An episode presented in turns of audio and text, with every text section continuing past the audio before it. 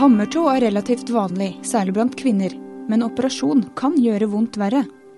Velkommen til tidsskriftets podkast for nummer 21 2010. Hammertå er den vanligste feilstillingen i de fire tærne ved siden av stortåen. Tilstanden skiller seg fra klubbetå og klotå, og rammer mellom 2 og 20% av befolkningen, i hovedsak kvinner. Hammertå har fått navnet sitt fra tåens midtledd er bøyd, slik at den får en hammerlignende fasong. Ortoped Grete Borchgrevink har operert mange slike tær, og sier skotøy ofte har skylda. De fleste som rammes av hammertær har man ikke noen sikker forklaring på. En mistenker at det har noe med skotøy å gjøre. Det kan jo ha noe med arv å gjøre, at det er svakhet i visse strukturer. Men kvinnedominansen er så stor at eh, det støtter ideen om at skotøy er årsaken. Men hammertåen skyldes jo en ubalanse mellom eh, senene som beveger tærne. Det er en ubalanse mellom de musklene i leggen og de musklene som er i foten. Begge fester til tærne og virker på dem.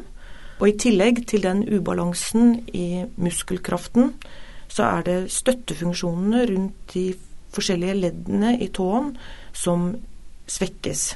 I noen tilfeller skyldes hammertås systemiske lidelser som diabetes, revmatoid artritt og nevrologiske sykdommer. Diabetikere kan i de fleste tilfeller ikke opereres. Ofte opereres heller ikke ellers friske pasienter fordi de ikke har behov for det.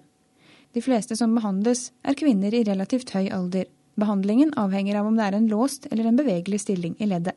Hvis eh, den er dynamisk, så bør en prøve å manipulere bløtdelene rundt leddet, altså senekraften eller støttestrukturen rundt leddene. Det krever jo at en har kunnskap om anatomien i foten.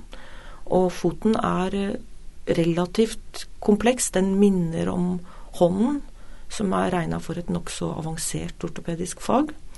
Og da er det enkleste å gjøre en um, avkapping av skjelettet for å gi plass så tåen kan strekke seg ut. Denne operasjonsmetoden kalles reseksjon i proksimale falang, og er den metoden som brukes på de fleste hammertær ved St. Olavs hospital. Borchgrevink har sammen med Vilhjalmur Finsen vurdert resultatene av dette inngrepet. 131 opererte pasienter svarte på et spørreskjema, og oppfølgingstiden var gjennomsnittlig fem år. 86% var kvinner, og gjennomsnittsalderen var 65 år.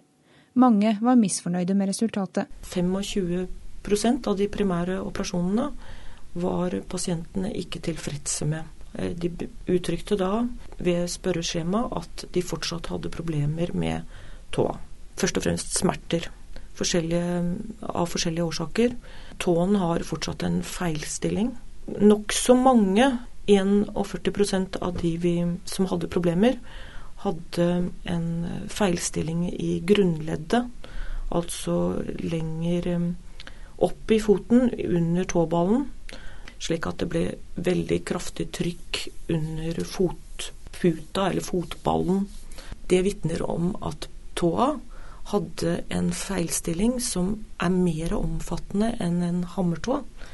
En klotå som egentlig krever en annen tilnærming. Altså det vil ikke bli et godt resultat hvis en har den feilstillingen, hvis en stiver av midtleddet. For hovedproblemet ligger i grunnleddet. Stiver man av og får en rett stilling da, så vil jo tåen stå enda mer opp og bli kanskje et verre problem enn pasienten hadde primært. Trolig er altså flere tær feilaktig blitt tolket som hammertær. Borchgrevink mener andelen misfornøyde pasienter i denne studien er for høy. Kunnskapen blant legene bør bedres, og kanskje er operasjonsmetoden for dårlig. Det er jo mulig at operasjonsmetoden er for dårlig, rett og slett. Altså. I litteraturen så er det, det er den hyppigste um, årsaken til reoperasjoner i disse tærne å operere på denne måten. Men selvfølgelig det å ha god kunnskap om anatomien i foten, og vite hva man gjør, og ikke definere enhver krøllete tå som hammertå og velge operasjonsmetode deretter, det er vel basis. Kvinner bør dessuten informeres om hvor viktig skotøy er, mener ortopeden. All litteratur som forklarer årsaken til at en får dette her, og at denne kvinnedominansen går i retning av at det er skotøyet som eh, er årsaken. Både det at man får så veldig stort trykk under grunnleddet ved å gå i høye hæler, at også akilleshælen blir veldig kort av det.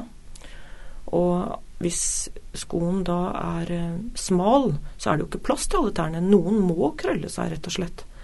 Så det å mm, informere om sunt skotøy, og som også gjør at gangen blir naturlig, er kanskje en oppgave som ortopeder bør eh, være mer opptatt av. Du kan lese hele artikkelen til Borchgrevink og Finsen i tidsskriftet nummer 21. Jeg heter Eline Feiring, og vi høres igjen om to uker.